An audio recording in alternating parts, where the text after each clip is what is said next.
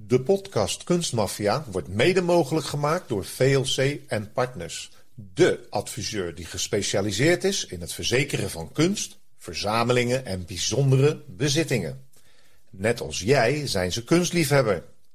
Met persoonlijke dienstverlening helpen ze klantenambities waar te maken. Kijk op kunst-verzekering.nl voor meer informatie. VLC en Partners. Verkennen, voorkomen en verzekeren.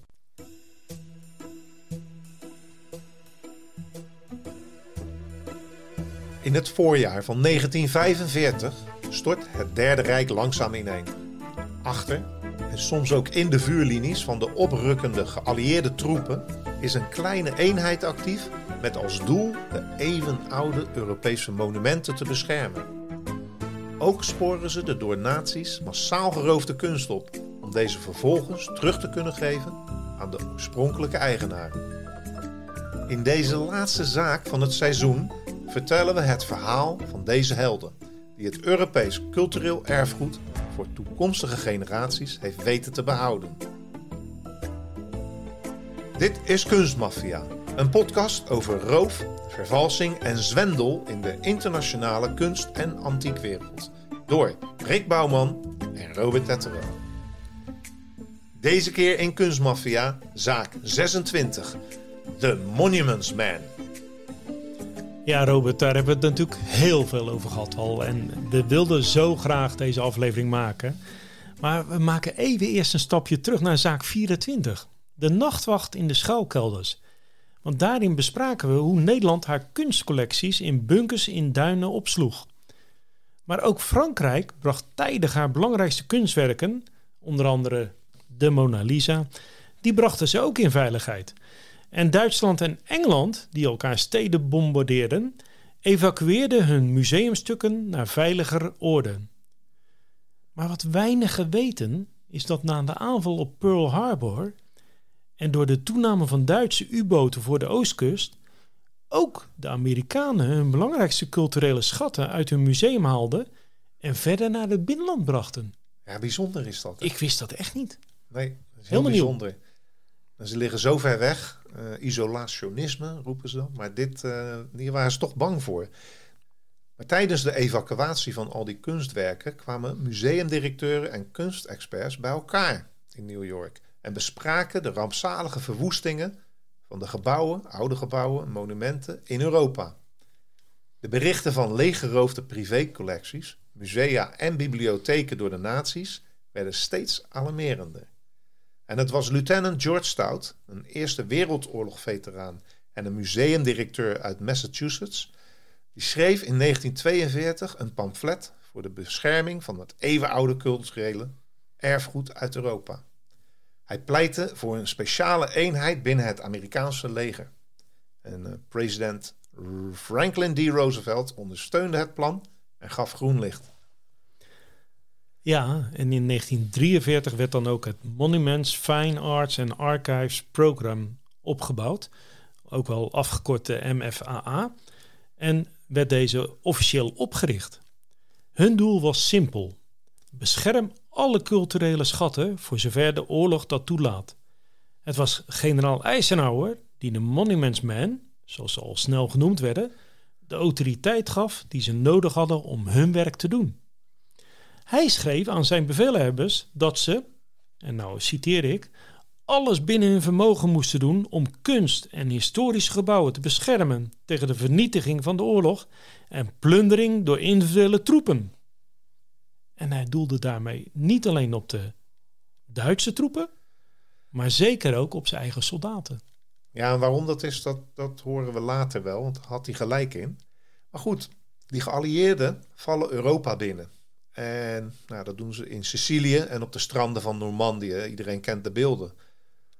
De Monuments Man volgde vlak achter deze voorste linies. Dat klinkt heldhaftig, Rick, maar het eerste team bestond slechts uit drie man. Drie man? Ja, dat was alles. Was dat alles? Ja, Dit is zo'n bijzonder verhaal. Er zouden er wat meer komen. Er waren er een paar aanwezig in Italië voor de monumenten ook te beschermen. Maar het was zo beperkt. Dus ja, die hoge leiders, allemaal extra mensen ingezet. Maar Ze ja, begonnen dus met drie man. met drie man. En ook al hadden ze de steun van de hoogste militaire en politieke leiders, de commandanten, belanden in zware gevechten met de Duitsers. Zij dachten eerder aan het welzijn van hun troepen dan aan de kastelen en historische gebouwen waar de vijand zich in verschanste. Ja, en dan gaan we het toch over een van die drie hebben. Dat is uh, Captain James Rorimer, conservator van het Metropolitan Museum of Art in New York, was hij. En hij was ook gespecialiseerd in middeleeuwse kunst en cultuur.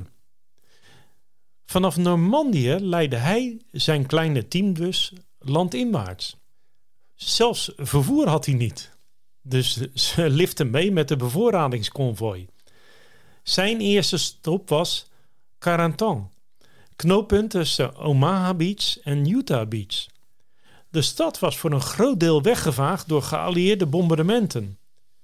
Maar het enige gebouw op zijn lijst van beschermde monumenten, de kathedraal, trof hij vrijwel ongeschonden aan. Slechts de toren was beschadigd. en dus die Rorimer adviseerde de lokale autoriteiten van dat stadje hoe de toren te restaureren. En dat was de taak die ze ook uh, op zich namen. Overal waar ze kwamen, gaven ze advies aan de lokale bevolking en autoriteiten van hoe te restaureren. Een van zijn officieren schatte dat in dit deel van Frankrijk ongeveer 90% van de monumenten getroffen of beschadigd waren. Wauw, 90%. Dat is uh, best wel heftig, uh, Robert. Maar het moet toch in het begin dan uh, het gevoel zijn van een druppel op een gloeiende plaat? Ja, ik denk dat je staat daar met z'n drieën. Ik vind het knap dat je dan toch zo doorzet en doorgaat en ehm, je plan uitvoert zoals je het had. Terwijl je eigenlijk, eigenlijk niet zoveel kunt uitrichten. Rorimer bracht in elk monument bordjes aan in het Frans en in het Engels. Met daarop de mededeling dat het betreden of verwijderen van enig materiaal of goederen streng verboden was. Maar het hielp, het hielp eigenlijk helemaal niets als er weer een bataljon kwartier maakte en op de klassieke meubels van ja, een monument neerplofte. Ja, want zo is in Saint-Lô, daar lag bijna de hele stad in puin. Het museum daar was verwoest en de Notre-Dame zwaar beschadigd. Rorimer ontdekte dat de Duitsers booby-traps hadden achtergelaten op de kansel en het altaar van de kerk. Zo werd hun werk nog moeilijker. Op 13 augustus 1944 arriveerde ook de praktisch ingestelde, en daar komt hij weer, George Stout. hij verving de verboden toegangbordjes van Rorimer met een nieuwe tekst. En de tekst was: Gevaar, mijnen. Dat is slim. Dat is heel slim. En dat hield de soldaten wel buiten. Vanaf hier werkte hun team samen en werd de invloed van de Monuments Men een stuk groter. Ja, en beide mannen, Rorimer en Stout, ontdekten dat Duitse sluipschutters zich vooral in kerktorens verschuilden. Ze wezen hun commandanten erop en vanaf dat moment schoten de geallieerde troepen alleen op de torens en niet meer op de hele kerk. Ja, dat scheelde natuurlijk veel schade. Maar de frustratie bleef. Geen eigen vervoer, geen fototoestellen om iets te registreren, geen radio's om mensen op te roepen. Uh, zelfs geen wapens, Rick. Dus ja, daar staan ze dan met uh, waarschijnlijk een boek onder hun arm. Ja, en toch boekten ze wel langzaam uh, wat successen, Robert. Ja, de bevrijde Fransen waren overigens ook heel dankbaar met de inzet van de Monuments Men. En waar mogelijk onderwezen ze de commandanten en de soldaten over het belang en noodzaak van het beschermen van cultureel erfgoed. En die luisterden daarnaar. En je zou zeggen waarom? Ze waren allemaal iets ouder dan de gemiddelde soldaat, zeg maar. Dus ze hadden wel wat respect. Maar dan komen we toch weer op een ander verhaaltje ook. Want uh, een van de Monuments Men, dat was Monuments Officer Captain Robert Posey. Hij is architect uh, van beroep. Hij arriveerde in de beroemde Mont Saint-Michel en zag daar met ledenogen toe dat de bevrijders met duizenden tegelijk dronken door die stegen struinden en kwartier maakten in historische gebouwen. Die Mont Michel, dat is toch dat ja, soort eilandje aan de kust wat altijd onder water loopt bij vloed? Ja, eb en vloed hè? Ja. Dan uh, is het ineens weer een eiland. Het is één groot uh, monument en heel toeristisch. Ja, en die aangeschoten officieren reden met jeeps op en neer tussen de smalle, steile stegen. De lokale autoriteiten durfden niets te ondernemen. Samen met de burgemeester verband hij alle drank en voertuigen. Dit werkte zo goed dat Rorimer, die op inspectie kwam, gearresteerd werd omdat de MP nog nooit van zijn eenheid gehoord had. Ja, ooit met drie man begonnen. Ja, nou ja, dat waren er inmiddels al wat meer geworden waarschijnlijk. En zeker maken een flinke stap in Parijs bleek pas goed hoe groot de omvang van hun missie zou worden. Het Jeu de Paume Museum, nou Rick... Uh, Zaak 19, Rose Inderdaad, was door de nazi's gebruikt als doorvoerplaats van gestolen kunst. De Monuments Men troffen verzetstrijdster Roos Valland, die hen vertelde over de enorme hoeveelheden geroofde kunst die de topnaties naar Duitsland hadden gestuurd. Rorimer bezocht het Louvre en trof slechts lege gangen en kale muren aan. vanaf dat moment verlegden ze hun aandacht meer en meer naar individuele kunstwerken. Ja, en dan gebeurde er ook wel wat uh, her en der, maar ook in Nederland. En uh, George Stout, waar we het al eerder ook over hadden, bezocht in oktober 1944 de net bevrijde kunstopslagplaats in de Mergelgrot van de Sint-Pietersberg. En hij kon vaststellen dat de nachtwacht de oorlog goed doorstaan had. Zaak 24, hè? twee zaken geleden hebben we daar. Uh, ja, toch goed dat we weten dat uh, de Monuments Men langskwamen en zeiden: Nou, dat is heel goed geregeld. Ja, en vanaf hier trok hij met zijn team Duitsland binnen. In een mijn in Sieken vonden ze de stellages die reikten tot het plafond, volgestouwd met beelden, schilderijen en altaarstukken. Op sommige werken van onder andere Rembrandt, Van Gogh en Rubens was de verflaag beschadigd. Dat is al erg. Maar er bleken ook sommige doeken zelfs beschimmeld te zijn. Als een Franse kaas. Nou, uh, Robert, haast geboden. Dat was een uh, opmerking van een uh, monumentsman, by the way. Hè? De Franse kaas. Dus die zal die wel niet gelust hebben, denk ik. De nazi's hadden hun oorlogsbuit vooral naar depots en afgelegen kastelen in Duitsland gebracht. Nou, daar hebben we uitgebreid over gehad in de afgelopen zaken. En gewapend met Valens, Roos Valens geheime administratie van gestolen kunstwerken, vonden ze zes geheime kunstdepots terug in Duitsland. De belangrijkste, het sprookjesachtige kasteel van Neuschwanstein aan de voet van de Beierse Alpen. Binnen de kasteelmuren ontdekten ze een enorme verzameling kunstwerken. En de zalen lagen vol met kisten gemarkeerd met ERR. ERR, dat was de Einsatzstab Rijksleiter Rosenberg. Oftewel de beruchte troepen die in de, ja, de bezette gebieden eigenlijk alles wat maar mogelijk was weggeroofden. Ja, Kunstwerken, meubels, boeken, papier, verzinnen maar. Massaal, hè? Alle huizen die leeg stonden, alle musea zijn leeggeroofd en uh, er kwam geen einde aan. Hier lag het. En dan hebben we ook weer Rorimer, want die schreef later het volgende. Ik liep als in een trance door de kamers, hopend dat de Duitsers hun reputatie van groenligheid eer aandeden en van al deze objecten foto's en aantekeningen hadden gemaakt. Zonder dat zou het zeker twintig jaar vergen om de opeengehoopte oorlogsbuit thuis te brengen. En inderdaad, hij vond de ERR-archieven die hen later hielpen bij het identificeren en teruggeven van talloze kunstwerken aan de eigenaars of hun nabestaanden. Als ware kunstdetectives ontdekten ze ook aanwijzingen naar nog meer verborgen depots. En toen George Stout door de papieren bladerde, noemde hij de Neuschwansteins vondst nog maar het topje van de ijsberg. Het topje van de ijsberg, Robert. Ja. En volgens mij had hij nog gelijk ook. Ja, dat maar dat ga jij vertellen. Ja, inderdaad. En uh, maak nog even een sprongetje. Want een van die topjes van de ijsberg, of wat er net onder de ijsberg zit, dat was natuurlijk uh, de hebberige Rijksmarschal Hermann Göring.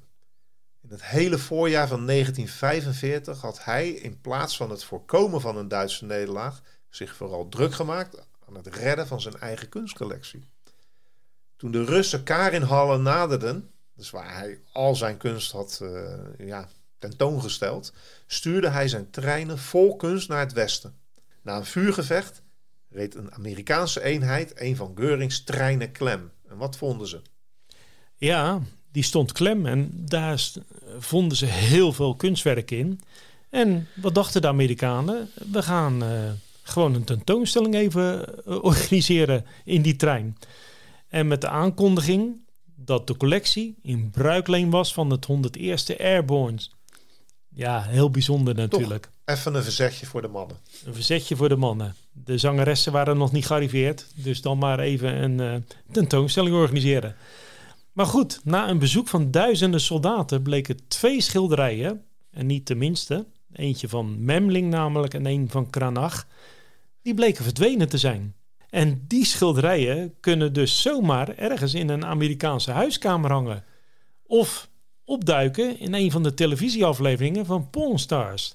Ja. Ik weet niet als je daar wel eens kijkt, maar alles wat je maar historisch kan bedenken, kun je daar terugvinden. Dus wellicht uh, komt er ook weer een keer zo'n uh, kunstwerk voorbij. Ja, dat zou zomaar kunnen. Hè. Ze krijgen daar allemaal voor dat pandjes, uh, hoe noemen ze dat ook weer? Ja, pandjeshuis spullen aangeboden. En uh, je ziet wel eens van die Japanse zwaarden of sieraden uit Europa. Klassieke geweren uit, uit de burgeroorlog en alles komt voorbij. Dus wie weet gaan we een van deze twee schilderijen daar ooit nog eens terugvinden. Op 4 april 1945 veroverde het Amerikaanse leger de stad Merkers. En ja, daar doen ze toch wel een heel bijzondere vondstrik. Twee burgers, twee dames, vertelden over Duitse soldaten nog steeds de ingang naar een lokale mijn bewaakte. Nou, dat trok de aandacht. Binnen vonden ze een kilometerslang labyrint aan mijngangen. In de eerste kamer alleen al vonden ze 550 canvastassen gevuld met een half miljard aan rijksmarken. Half miljard rijksmark? Wauw, Robert. Alles, Rick. In Want? Een dichtgemetselde kluis. Ja, dan moet je niet denken aan een kluisje, maar een, echt een soort kamer die bijna niet eindigt. Daar vonden ze nog eens 7000 genummerde zakken met goudstaven. 250 ton puur goud. 250 ton puur goud? Ja. Weet je hoeveel dat is, Robert? Nee, geen idee, maar ik denk dat je er wel wat leuks voor kan kopen.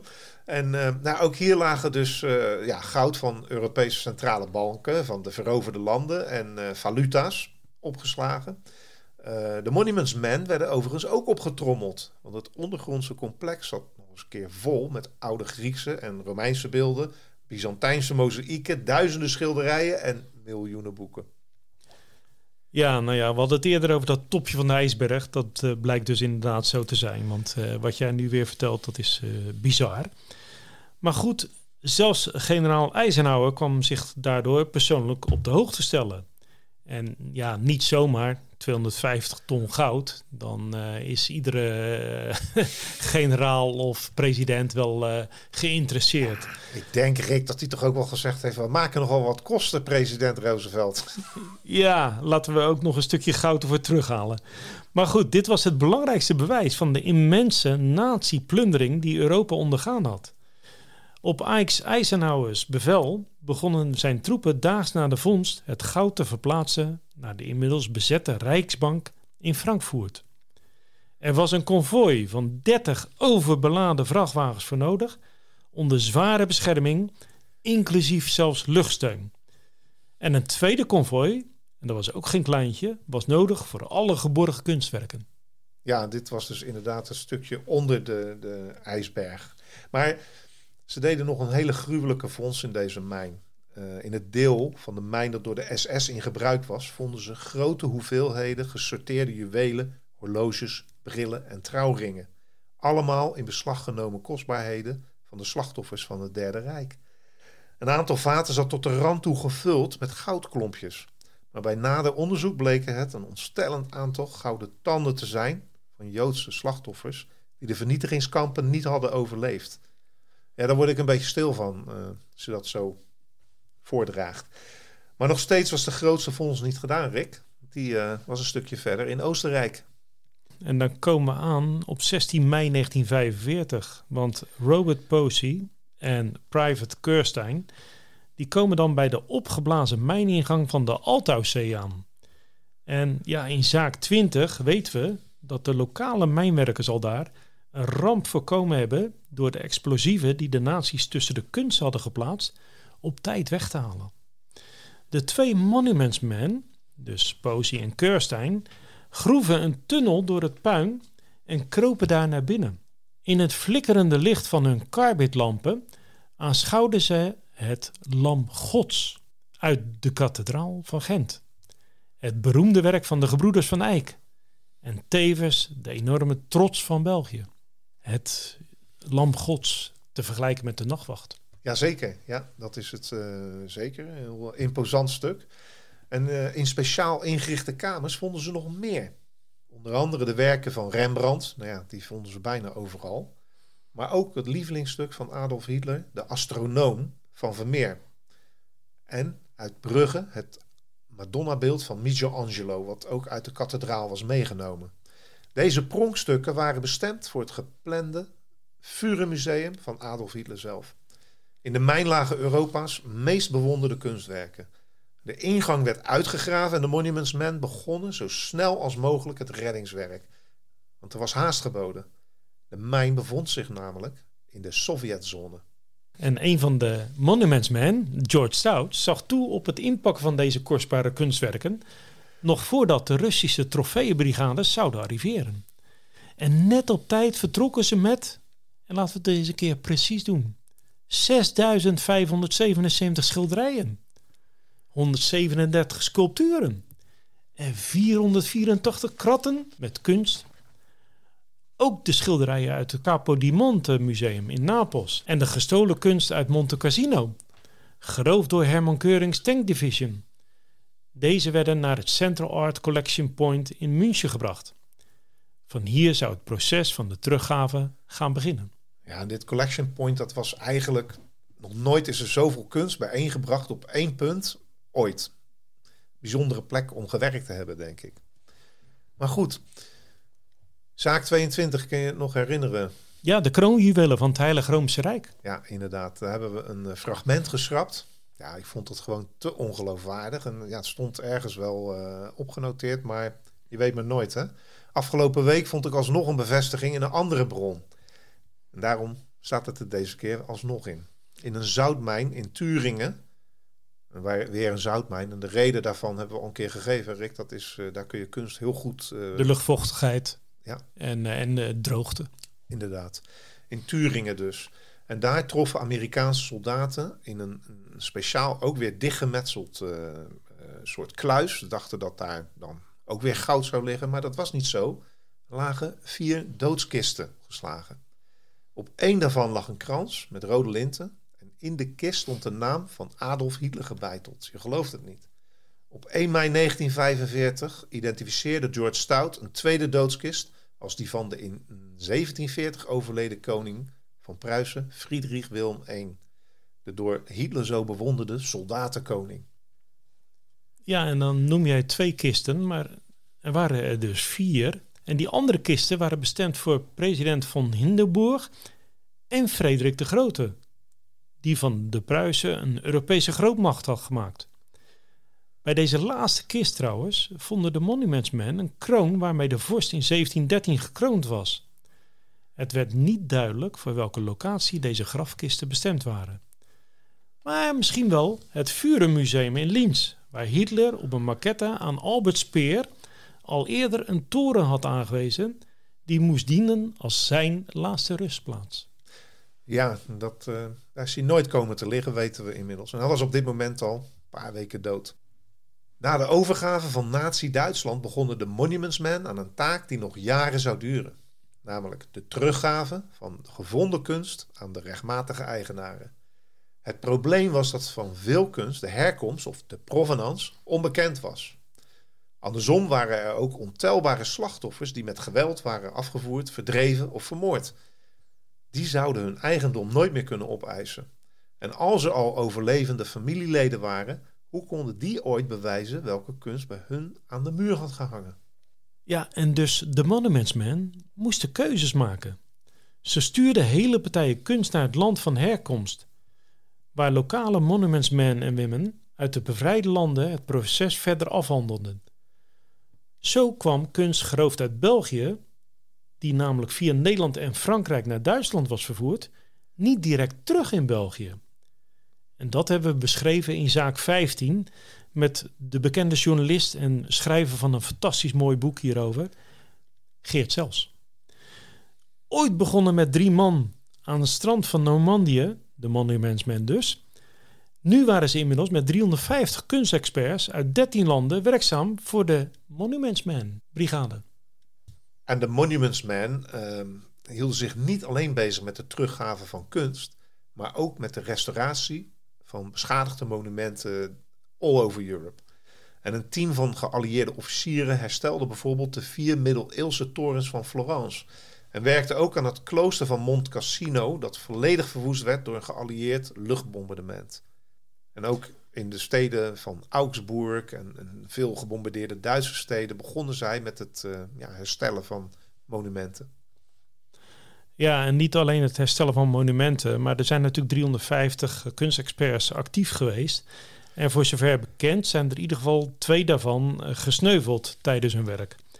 Zo onder andere de Britse historicus Ronald Balfour. Hij kwam om bij een granaatinslag tijdens het ontruimen van een kerk nabij Kleven. Een andere officier van de Monuments Man was op zoek naar een altaarstuk uit de kathedraal van Aken. En daar werd hij doodgeschoten door een van de Duitsers.